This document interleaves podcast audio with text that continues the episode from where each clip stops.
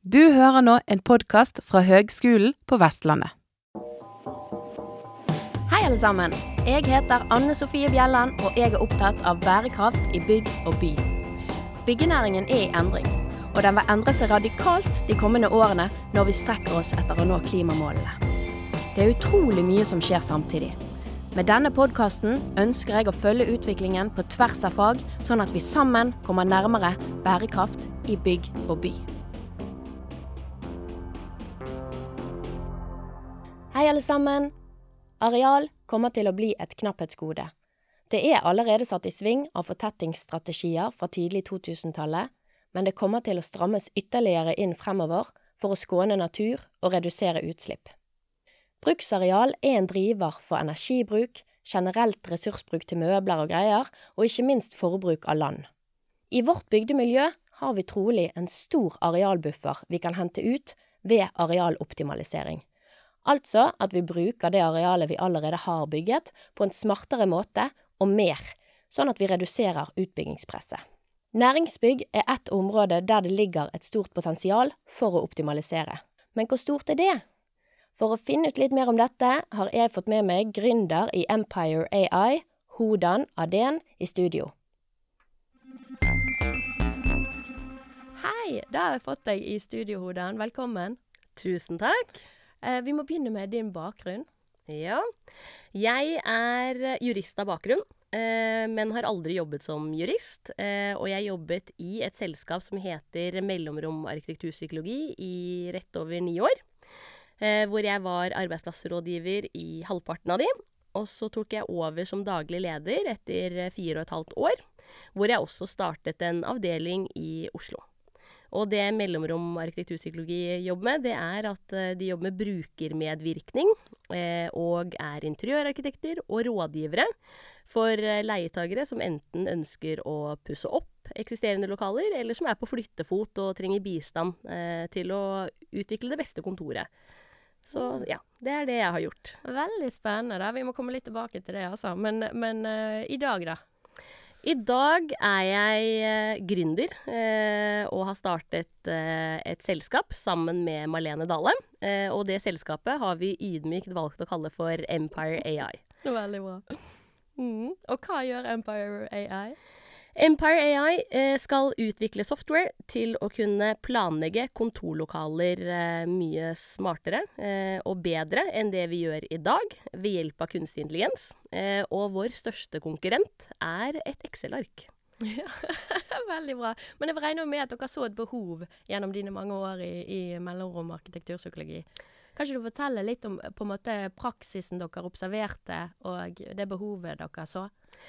Ja. Eh, det, jeg tror veldig mange egentlig syns det er litt rart. Eh, hvis de, altså, de kommer til å synes at det er veldig rart når de hører hvordan jeg beskriver disse prosessene. Eh, men det man gjør hvis man er på utkikk etter et nytt kontorlokale, så har allerede den leietageren der et, føler de selv, da, et ganske godt bilde av hva de trenger av rom- og sonetyper. Eh, og det bransjen eh, etterspør da, det er et Excel-ark hvor du lister opp hvert eneste rom. Eh, og du skal også si noe om størrelsen. Du skal si noe om type møblering, og du skal si noe om antall mennesker som skal bruke det rommet. Og det gjelder et helt bygg. Og det som ofte skjer da, er at man enten kobler på en interiørarkitekt eller en arbeidsplassrådgiver eller en næringsmegler. Eh, det er litt uh, ulik praksis, uh, og de som ikke blir koblet på like ofte, det er jo arbeidsplassrådgivere. For det er en nisje innenfor bransjen som mange nå ser behovet for i mye større grad. Men historisk sett så har det vært litt vanskelig å fortelle hva man gjør som arbeidsplassrådgiver i et selskap som Mellomrom arkitekturpsykologi. Så hvis jeg nå da sier at man har koblet på sin rådgiver, så begynner den rådgiveren der egentlig med å hjelpe til uh, med å lage denne spekken i Excel. Og da hører man jo litt på ansatte, du hører litt på ledere, for å forstå bedre hva de mener at de trenger. Og dessverre er data ofte totalt fraværende i disse prosessene. Det blir litt sånn at den som roper høyest, gjerne er den som blir eh, hørt på. Og så er det veldig ofte noen trender i markedet Eh, det var jo en lang periode hvor eh, free seating og aktivitetsbaserte arbeidsplasser eh, var i vinden, hvor alle skulle ha det, uten at de nødvendigvis skjønte hva det faktisk betyr. Og så baserer man seg på antall kvadratmeter litt sånn i blinde.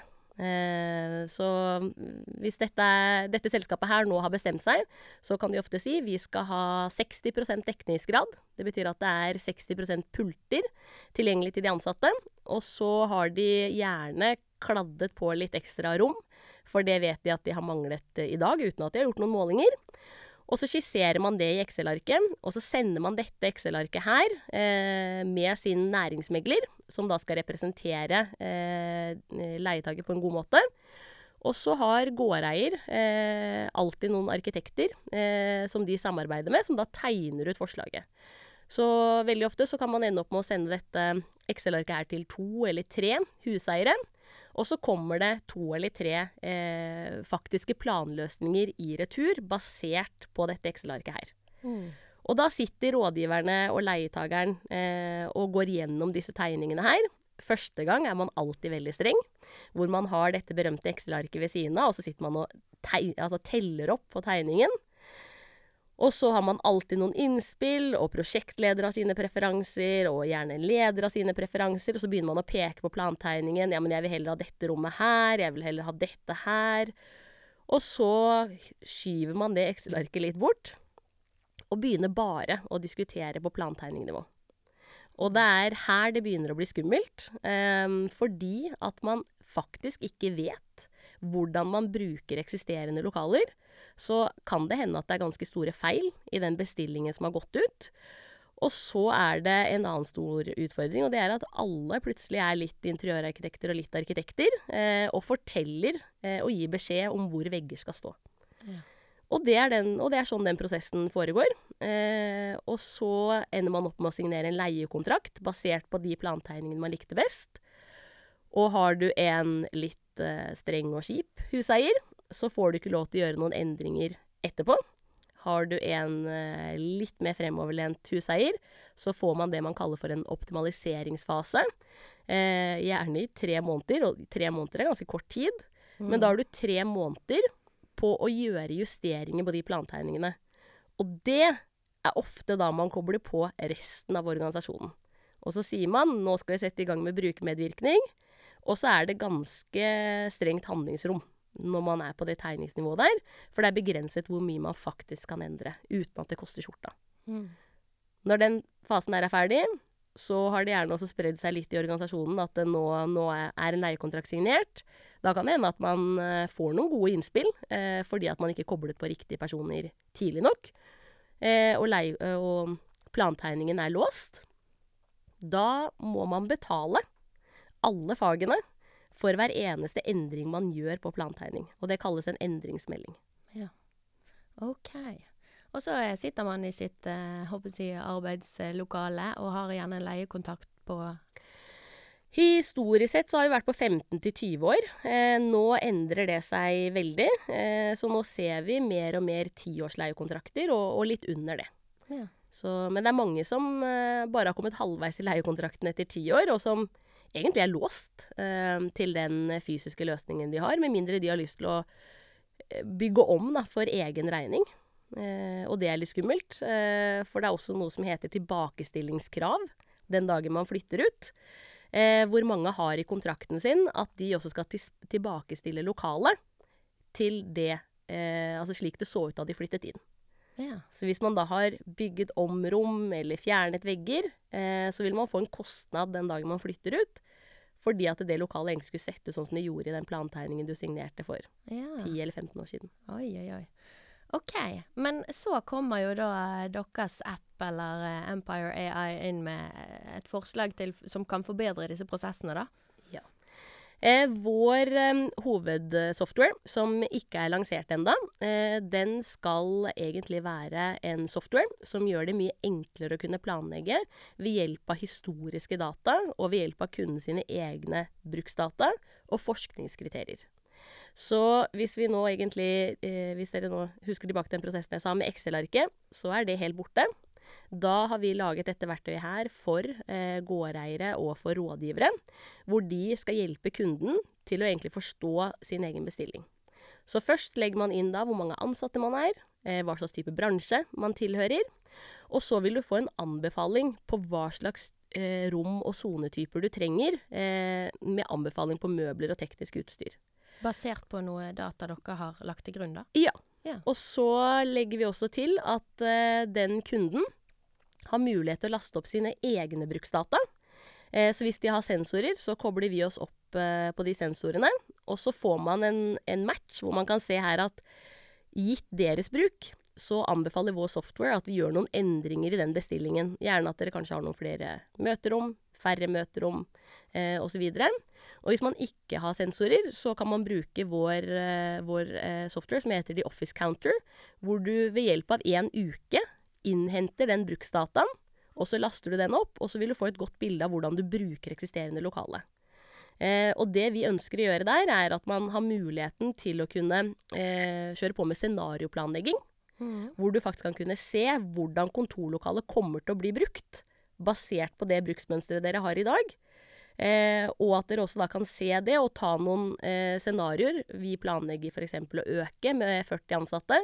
Hvordan vil kontorlokalet da se ut? Og da vil du kunne se eh, på tirsdager klokken ti, hvis det er topptidspunktet deres. Da vil dere ha så mange rom ledig, eller så mange arbeidsplasser ledig. Men at du kan ta de beslutningene og lande litt i den bestillingen før du får en arkitekt å tegne det ut. Eh, og grunnen til at vi har valgt eh, denne fasen her, handler rett og slett om at eh, vi mener at nøkkelen ligger i planlegging. Du er nødt til å komme riktig ut fra start for å kunne eh, lage bedre kontorlokaler. Og da er vi nødt til å forstå hvordan vi bruker kontorlokalene i dag. Mm.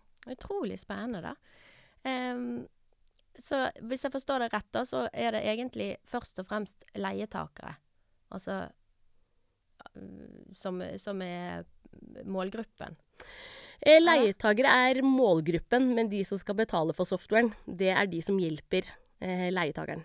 For leietageren er avhengig av eh, rådgivere eller arkitekter eller gårdeiere. Så det er de vi bygger denne softwaren for. Eh, fordi at vi, vi vet at mange leietagere ikke har den kunnskapen selv.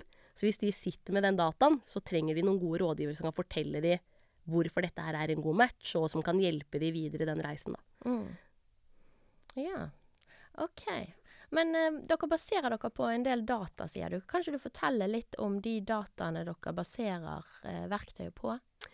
Ja, eh, for at eh, vår software skal kunne fungere, så er vi avhengig av ganske store datamengder. Eh, og litt av det vi har gjort der, er at vi har inngått et strategisk samarbeid med et sensorselskap, eh, som eh, har sagt at de trenger hjelp til å hjelpe sine egne kunder til å forstå de dataene de har.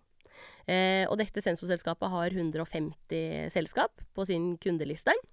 Eh, så det vi gjør der, er at eh, vi får tilgang på data fra de, og så utarbeider vi rapporter basert på den dataen. Altså at vi omsetter den dataen til konkrete anbefalinger og aksjonspunkter.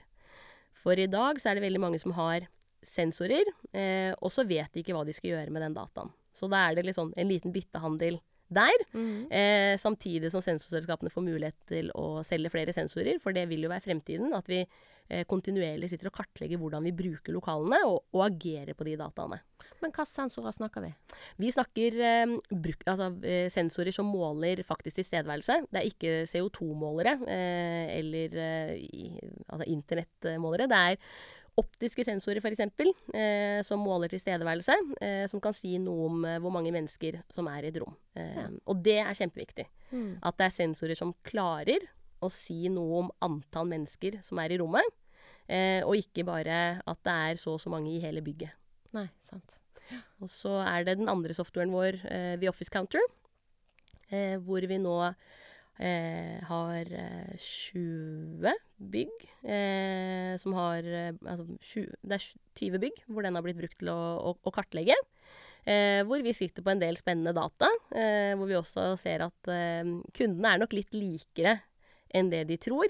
Eh, for det husker jeg jo fra min periode i mellomrom, Hvor eh, hver eneste kunde starter prosjektet med å si vi vet at dere har jobbet med mange ulike, og at dere har mye kompetanse, men vi, vi er spesielle. Så vittig. Uh, men, men den der office counter, hvordan funker den da? Bare sånn Rent praktisk eh, så fungerer den i den forstand at du plotter inn hele kontorlokalet, altså ned på romtype og antall stoler og type møblering og type teknisk utstyr som er der. Det tar eh, noen timer. Eh, nå hadde vi akkurat et bygg på nesten 18 000 kvadratmeter eh, hvor det, ble, hvor, det ble, lagt inn. Eh, og det tok en arbeidsdag å få plottet inn eh, den informasjonen. Og da går du rundt og manuelt teller? Ja. Så først så må du jo legge inn alt som skal være. Eh, altså alt det bygget inneholder. Og så er det én person som fysisk går rundt med vår software og plotter inn. I dette møterommet her er det fire stykker, og så vet softwaren fra før at her er det plass til åtte. I dette landskapet er det tre stykker. Det er plass til ti. Og det gjør du hver eneste time i, eh, i eh, fem arbeidsdager. Og den eh, metoden der er veldig god, for da vil du også kunne se et bilde eh, på hvilket tidspunkt er det som er mest populært på arbeidsplassene, eh, hvilket tidspunkt er det som er mest populært på møterommene, hvor mange møter er det selskap har, osv. Eh, men at du skal få liksom hele bildet. Det er mange som holder på med denne type kartlegging hvor de kun teller to ganger om dagen.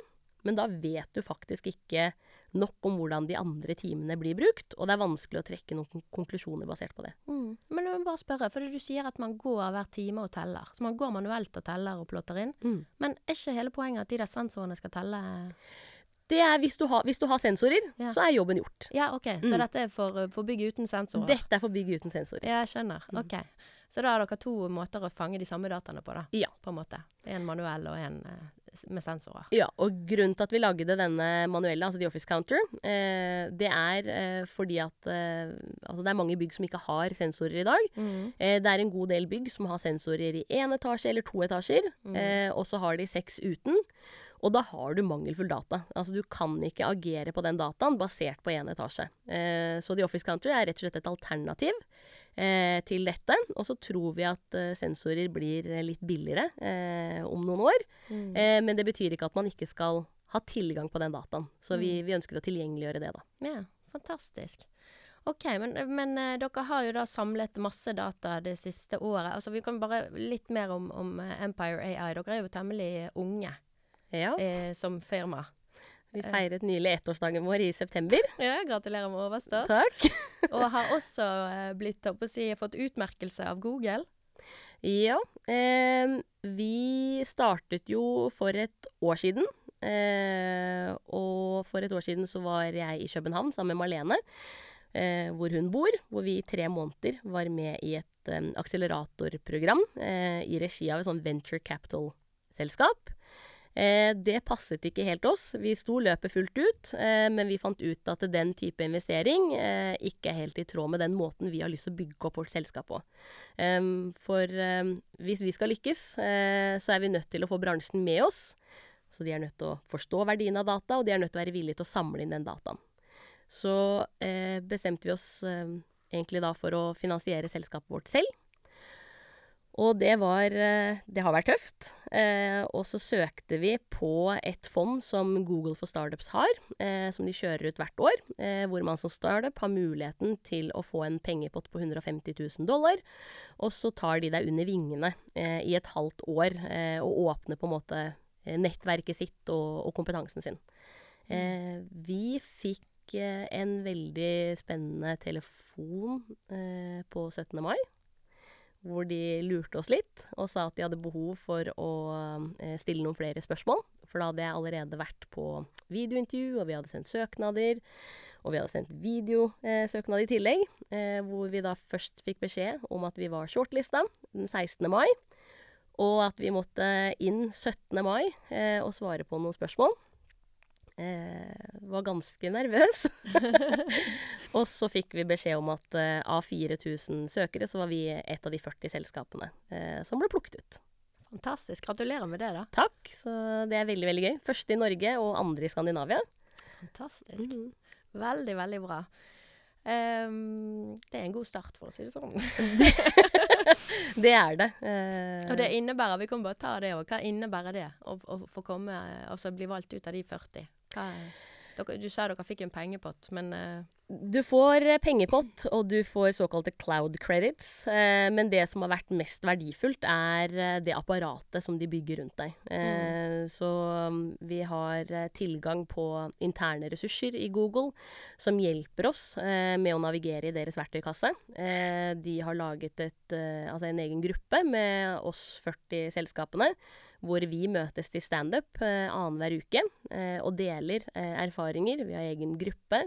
Eh, jeg har fått en mentor, Marlene har fått mentor, vi har fått coacher. Eh, og så hjelper de oss eh, gjennom workshops eh, til å egentlig også kunne bygge opp selskapet vårt riktig fra start. Um, Og ikke minst er det litt, litt gøye reiser. ja. Så de tok oss jo med til Tech Week i London, eh, Viva Tech, eh, som er i Paris.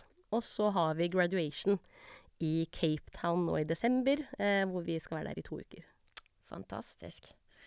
Nei, veldig, veldig bra. Men vi må, vi må tilbake til disse her um, grunnlagsdataene deres. For dere har jo litt, eh, fått litt innsikt i hvordan vi eh, viser oss å kanskje være litt mer sauer enn vi skulle tro.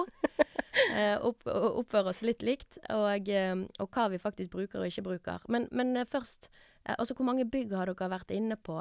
Eh, hvor mange rom? Liksom sånn, bare sånn for å se hva vi belager oss på. Ja, altså det første Altså den ene softwaren vår, den har kartlagt 1500 rom. Og dette er jo data som vi egentlig sammenstilte nå i sommer. Eh, så i ettertid har det jo kommet på, på litt flere. Eh, men vi sitter og videreutvikler den databasen, så de tallene er ikke med meg i dag. Eh, men da på eh, I løpet av den perioden her så hadde vi 1500 rom, og vi hadde 13 kontorbygg, og det hadde til sammen blitt gjort 60 000 målinger. Ja. Eh, og det her var relativt eh, unge mm, bygg, ville jeg sagt. Eh, Fordi at vi hadde 22 kvadratmeter per ansatt, og 241 ansatte i snitt per bygg. Ja. Og det er både offentlige og private bedrifter som bruker disse? Ja, Eller? så det var en en 50-50-blanding eh, mellom offentlige og private. Eh, vi hadde også litt eh, ulik miks på eh, såkalte kontorkonsepter, eh, hvor noen hadde free seating, noen hadde fast plass i åpent landskap, noen hadde åpent landskap og cellekontorer. Eh, så vi fikk en, en god blanding da, av den dataen. Ja, spennende. Og type virksomhet, jeg håper å si er noe spesielt, så Altså, det er vel ingen, ingen av de som peker seg ut, men det, det, det vi pleier å si er uh, Altså, vi har nok noen som minner, minner om alle, da. Uh, ja, så all, Alle gjør litt ulikt, så jeg tror liksom nivået uh, som jeg ofte blir utfordret på i mellomrom, var Har dere jobbet med offentlig og statlig, eller er det bare private? Mm. Så i, i den forstand ville jeg sagt her er det en, en god miks. en god miks, ja. Ehm, og gjennomsnittet, hvis jeg har fått det riktig, da, så i en sånn presentasjon dere hadde, så sa dere at gjennomsnitt eh, kvadratmeter på en arbeidsplass er 28?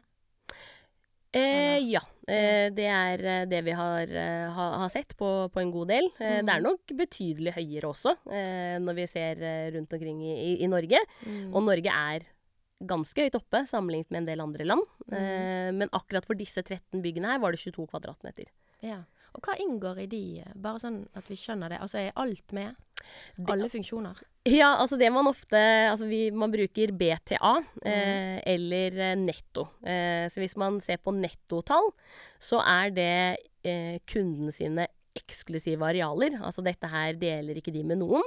Og så sier man BTA, da er det inkludert eh, kunden sin andel av fellesareal. Eh, og det kan være at i det ene bygget så har man kantinen felles, eller noen møterom felles, eh, noen trapperom eh, og sånne ting. Ja, skjønner, skjønner. OK. Men eh, kan ikke du fortelle litt om eh, hva viser, altså hvordan er bruken, basert på de målingene som dere har gjort? Altså det første er jo, altså, som er eh, universelt, vil jeg sagt, eh, det er at 60% av alle rom står tomme i ordinær arbeidstid, altså i kjernetiden. Eh, og likevel så klager de ansatte på at ikke de finner de rommene de trenger. Ja. og når vi ser på våre egne, altså de målingene fra disse 13 byggene, eh, så er det slik at i snitt så er det 2,9 stoler per ansatt. Og for mange så sier ikke det noe, men i bransjen så skal hver stol representere en variasjon. Så jo flere stoler du har tilgang på, jo mer variasjon har egentlig arbeidsgiver også. lagt til rette for. Eh, i, dette, I disse 13 byggene var det 2,9 stoler per ansatt, eh, og i snitt så sto 83% av de tomme. Ja. Eh, og vi hadde også like dystre tall på, på eh, rom, hvor 64 eh, i disse 13 byggene sto tomme. Og det betyr jo at den gjennomsnittlige utnyttelsen var på 36% Så gjennomsnittlig utnyttelse av disse byggene er på 36 mm, på romnivå. på romnivå, ja. Mm. Det er jo ganske lavt, da. Mm. Altså, og så tenker jeg, men hva, hva Du som kjenner dette området, hva trekker du av slutninger da? Eller hva Det er jo det som blir visjonen for vårt selskap igjen. Eh, vi planlegger kontorlokaler feil. Eh, det er helt absurd eh, å tenke på at vi planlegger helt nye kontorbygg uten å benytte oss av noe data. Eh, det er eh, like absurd at leietagere bygger om eksisterende kontorlokaler uten å vite noe om hvordan de bruker de byggene. Og mm, det ene caset, eh, som eh, er blant de 13 byggene som, som ble kartlagt, eh, så var deres mål faktisk å få de ansatte tilbake på kontoret, men de ansatte svarte at det er jo ikke plass. Vi, vi har ikke nok steder å være, så derfor må vi benytte oss av hjemmekontor. Og de planla eh, å se på mulighetene for å kunne utvide sitt areal med én etasje. Altså at de skulle leie en etasje til. Når man ser på den gjennomsnittlige tilstedeværelsen i det bygget, eh, så var pulten i bruk 17% av tiden. Og allikevel opplever de at det ikke er Mm. plass. Og, det som, eh, og vi hadde et annet case hvor eh, de tre mest populære møterommene var i bruk 79% av tiden, eh, mens de tre minst populære møterommene var i bruk 19% av tiden. Mm. Så det vi liksom ser der, er at mennesker er vanedyr. Mm. Eh, man har bestemt seg litt for hva man liker. Eh, selskapet sparer seg nok en del til fant. Sånn som i dette tilfellet her, eh, så var det en helt annen kvalitet på teknisk utstyr, romfølelse, eh, at det var dagslys. Altså, rommene var mye bedre, da, For de møterommene som var poppis? mm, Ja. enn de rommene som ikke var i bruk. Ja. Eh, og det jeg, jeg tror det er mye å hente der, da, eh, ved å forstå dataen. Så det vi prøver å rope ut eh, for full hals, eh, som man er nødt til å skjerpe seg på, bransjen må skjerpe seg, vær så snill å innhente data før dere gjør noen som helst endringer. Mm. Mm. Men, eh, men merker du noen forskjell, du som har holdt på med dette her i, i mange år, merker du en forskjell før og etter pandemi? Altså, den er litt vanskelig å svare på, fordi at eh, det var så mye som begynte å skje før pandemien. Eh, før pandemien så, hadde, altså, så har jo staten eh, også lagt inn en arealnorm Mm. på 23 kvadratmeter eh, per ansatt. Vi har jo vært med i statlige prosjekt hvor det har vært 48 kvadratmeter per ansatt. Oi. Altså en, en ganske raus leilighet mm. eh, som ansatte har hatt i kontorareal. Mm. Så det har jo vært mye fokus egentlig på å få ned det arealet. Eh, det har vært eh, aktivitetsbaserte arbeidsplasser, har vært i vinden. Eh, og innforstått med det, så betyr det at eh, selskap også har tenkt at vet du hva, de ansatte kan ikke bare gjøre arbeidsoppgavene sine på pulten, de har behov for andre rom- og sonetyper. Så liksom alt dette her var litt eh, i gang, da Mm. før pandemien. Og så eh, vil jeg nesten si at pandemien har gjort det litt eh, Altså gjort det litt verre. Eh, fordi at mange har, har tatt en del beslutninger i blinde. Eh, basert på pandemien. Altså at de bestemmer seg for at de skal ha mindre areal, eller de skal ha mer av en sonetype. Uten at de vet hvordan den ble brukt, eller blir brukt. Mm. Så jeg ville Altså, det har, det har nesten blitt enda mer synsing etter pandemien, og så har det blitt litt sånn fritt vilt. Ja, men vi vet ikke. Ja. Så, og det har vi møtt på mye motstand i bransjen fra. Hva er poenget med å måle eksisterende lokaler? Mm. Eh, for de fungerer jo ikke optimalt uansett. Nei, sånn, ja. Men der har jeg et spørsmål. For én ting er jo hvis du baserer deg på Altså, jeg bare tenker på eh, Vi former lokalene, eller du former eh, lokalene vi skal inn i, og så påvirker de hvordan vi jobber. Men, eh, men du kan jo Det betyr jo at du kan forme arealene med tanke på å endre en måte å jobbe på. Mm. Og det har jo kanskje vært litt av også motivasjonen bak denne aktivitetsbaserte, i hvert fall én faktor. At man skal kunne samhandle bedre på tvers og bedre kommunikasjon og hei og hå. Sånn. Eh, men ja, så spørsmålet mitt er jo egentlig litt det, det som også noen har kritisert. Da, at hvis du baserer deg på hvordan man har jobbet, så må du Ja, du var inne på det faktisk tidligere, eh, dette med å jobbe med scenarioer. Mm. Sant? Eh, kan ikke du si litt om det? For da, da er du inne på hvordan kan vi eh, liksom la, forme bygget sånn at det spiller oss gode. Altså endre atferd. Altså, litt av eh, altså, det er litt, altså, det er litt vanskelig. Jeg koker jo litt eh, når eh, jeg får høre Altså når folk i bransjen eller uh, leietagere sier ja, men det er jo ikke noe poeng i at vi skal måle hvordan vi bruker eksisterende lokaler, for vi skal jo inn i noe helt annet. Altså, da agerer du virkelig i blinde. Eh, så det er mye læring å hente i hvordan dere bruker eksisterende kontorlokale. Eh, eksempel at man eh, kan bestemme seg for eh, vi skal ha 60% dekning eh, på pultene. Basert på hva da? Mål hvordan du bruker dagens pulter. Og så kan du si at ja, men eh, dagens tilstedeværelse er 30% Vi kommer jo til å gå inn med masse ulikt areal. Eh, og litt andre rom- og sonetyper. Så derfor kan vi gå enda litt mer ned. Men du må jo basere deg på noe. Og det bransjen heller gjør eh, nå, og som leietagere gjør, er at de bare kaster vekk det de har. Og så begynner man å bygge enda mer i blinde enn det man noen gang har gjort. Så eh, det vi ser, og som er viktig, er Jeg tror at jo bedre bestilling man har i bunn, jo, jo lettere er det. Og så må vi nok alle ta inn over oss at selskapene er nok litt mer like hverandre enn det man tror. Eh, og hvis man heller begynner å fokusere på å lage gode møterom, eh, at man begynner å fokusere på å lage gode, åpne landskap, gode smårom, gode cellekontorer, eh, og så vil man også ha et helt annet handlingsrom til å lære opp de ansatte til hvordan de kan ta i bruk disse rommene her. Eh, hvor man da tar det ned til eh, eh, hvordan skal jeg si, altså, bruksregler. Eh, hvor man kan bestemme seg for skal man gjøre rom og soner bokbare eller ikke. Skal de høre til en bestemt avdeling? Men hvor man da egentlig prøver å eh, si og kvittere ut dette lokalet her er så bra. Vi har gode lydisolerte rom, vi har høy kvalitet, det er attraktivt. Nå kan vi jobbe med de ansatte, hvor de også kan begynne å plassere ut sine egne arbeidsoppgaver og liksom ta den plassen, da. Eh, mens i dag skjer brukermedvirkning eh, altså, veldig, altså, veldig provoserende, men det er Hva er det du har lyst på? Hvordan er det du jobber? Og så vet man i, på andre siden at man har en del rammer som er satt. Så hvorfor ikke være ærlig om de rammene, og heller prøve å liksom forbedre de kvalitetene?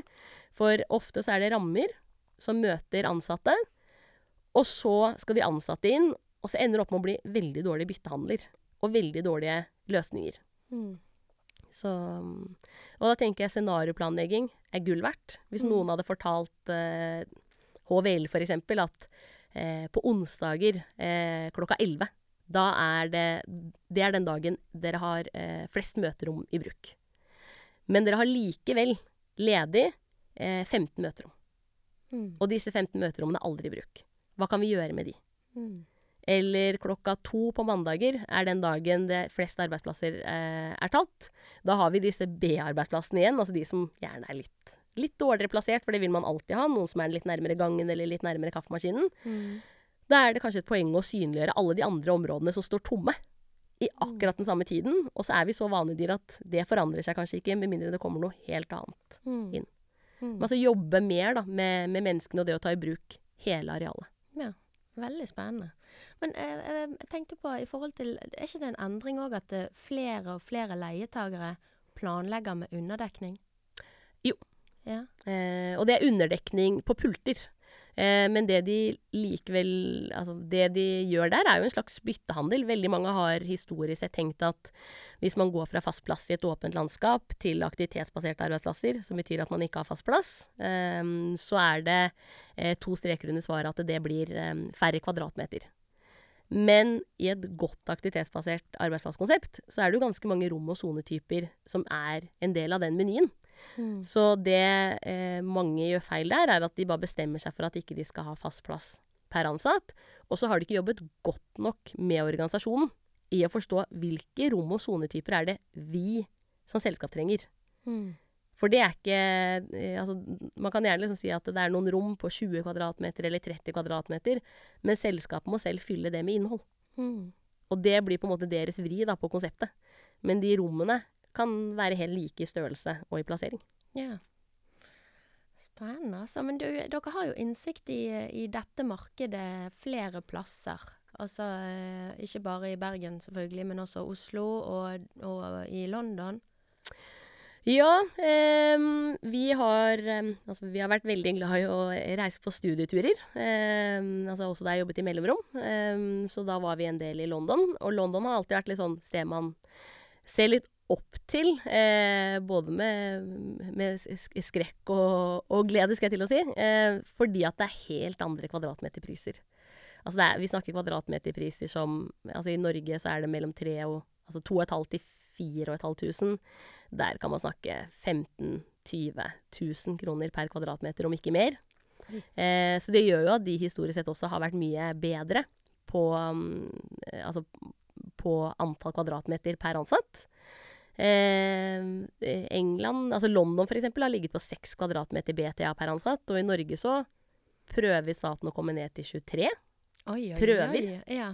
Eh, vi var i Stockholm nå for noen uker siden, hvor vi fikk høre at der eh, ligger det statlige offentlige i Stockholm eh, på 13-14 kvadratmeter. BTA per ansatt. Eh, vi var hos Microsoft i, i Stockholm, hvor de har 4,75 kvadratmeter per ansatt. Men, men jeg håper å si, trives folk på disse arbeidsplassene også? Det er det vi ikke vet. Nei, nei, okay. eh, og det er jo dette her altså, Du kan jo spørre i alle Ethvert nytt bygg i Oslo eller Bergen eller London eller hvor det skulle vært, så kan du gå og høre med de som har stått bak prosjektet. Eh, hvor fornøyde de ansatte er. Jeg skal love deg at du får ett svar. Det er, de er kjempefornøyde. Ja. Kjempefornøyde. Ja. Og så spør du om de har målinger på dette. De har ikke noe data som eh, Altså veldig sjelden data som viser hvordan kontorlokalet blir brukt, og de ansatte sin tilfredshet. Mm. Så, så, det er jo noe av det vi jobber med nå.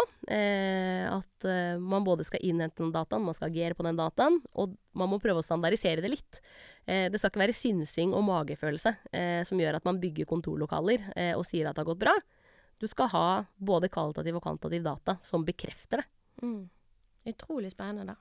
Men, men, bare for å ta For, for det er jo en veldig sånn stor kulturell komponent her, sant? hvis vi går utenom, uh, utenom Norge, da. Så hvis vi tar det mest pressete kontormarkedet uh, i Norge, det må jo være Oslo, regner jeg med. Ja. Uh, hvordan ligger vi an der, da? Altså hvordan ligger de an i forhold til å agere på høye priser og arealoptimalisering og Eh, de prosjektene som jeg var med i eh, da jeg jobbet i mellomrom, eh, som var i Oslo, var at de sto nok mye mer overfor eh, en, en, reise bl.a. på parkeringsplasser. Eh, parkeringsplasser ble jo fjernet. Eh, altså det var nesten altså en, en, like stor reise. At du gikk fra cellekontor eller fast, fast plass i et åpent landskap, og du hadde parkeringsplass, til at du nå skulle miste alt. og det har vært, jeg har vært i prosjekter hvor det har vært så emosjonelt at folk har faktisk sittet og grått.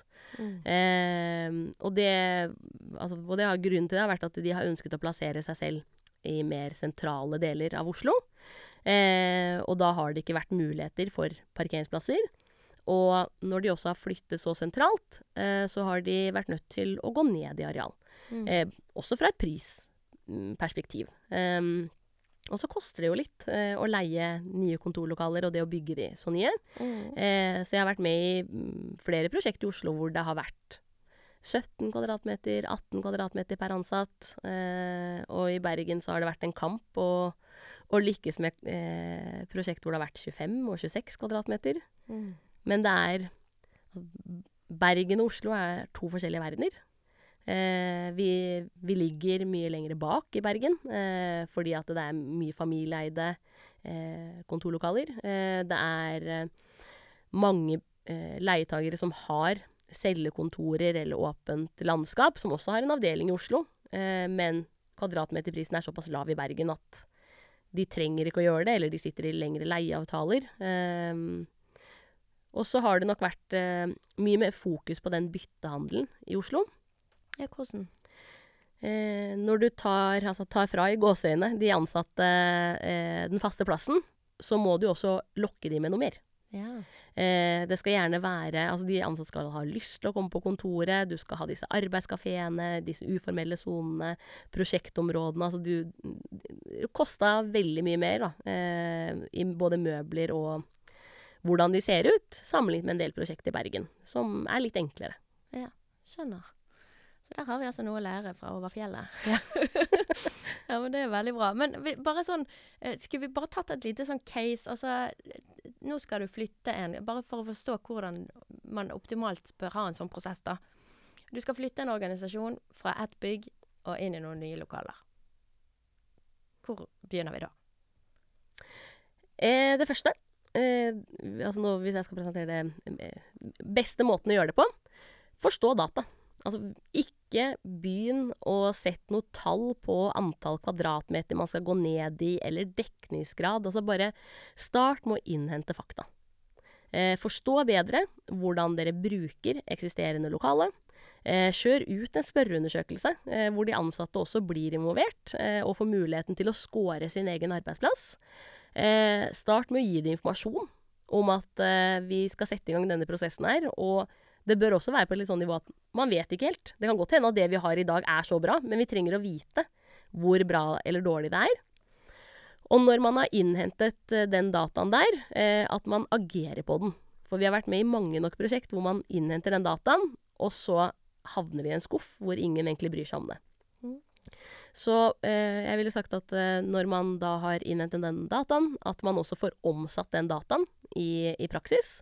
Eh, det er noe av det vi sitter og jobber med nå, hvor vi kjører den dataen eh, fra både spørreundersøkelse og eh, fra disse tellingene, eh, og kjører det gjennom eh, maskinlæringsmodellene og får ut anbefalinger.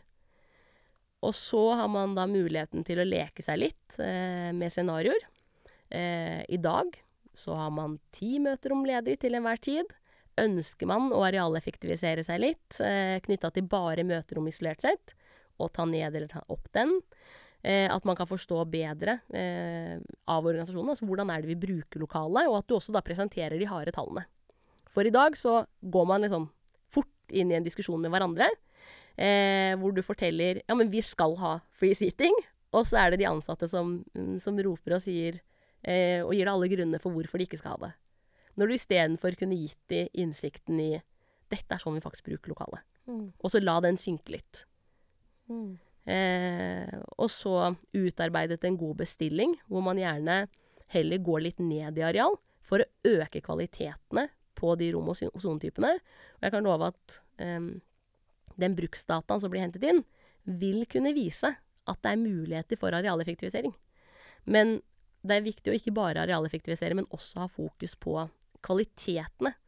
Og da vil man også ha muligheten og tiden da, til å kunne altså, jobbe med de kvalitetene. Mm. Mm.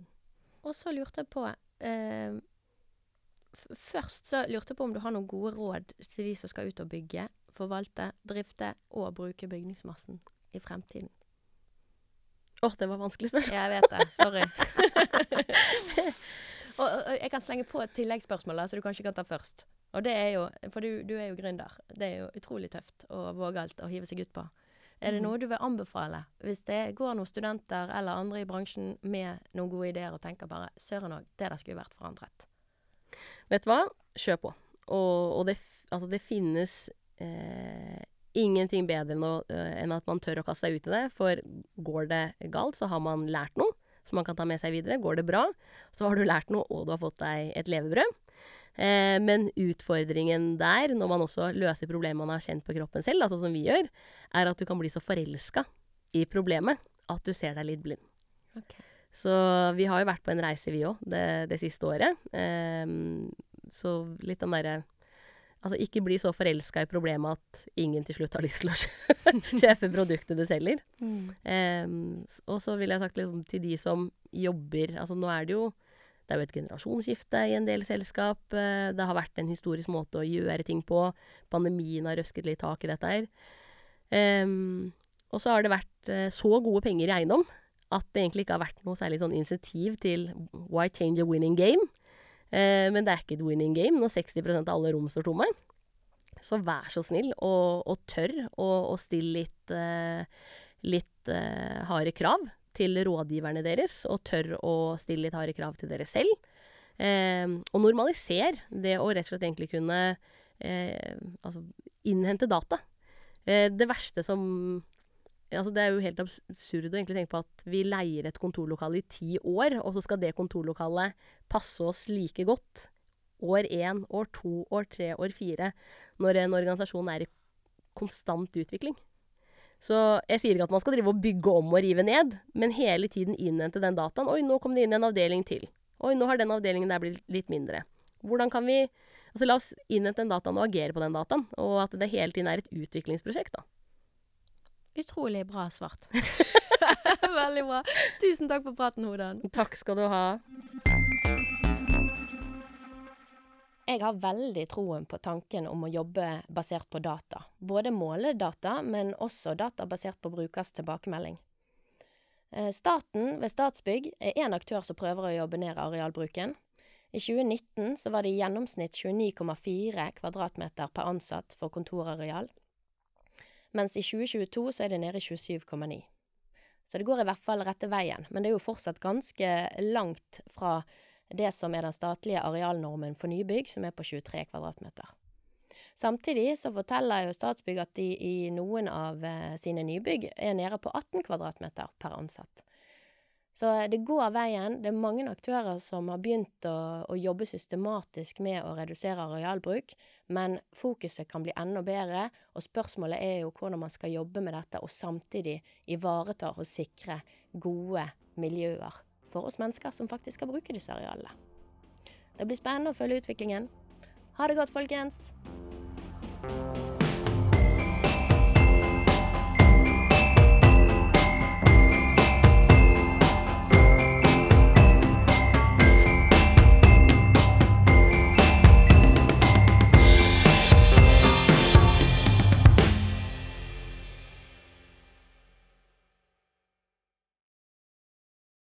Du har nå hørt en podkast fra Høgskolen på Vestlandet. For å høre flere podkaster, besøk hvl.no slash podkast.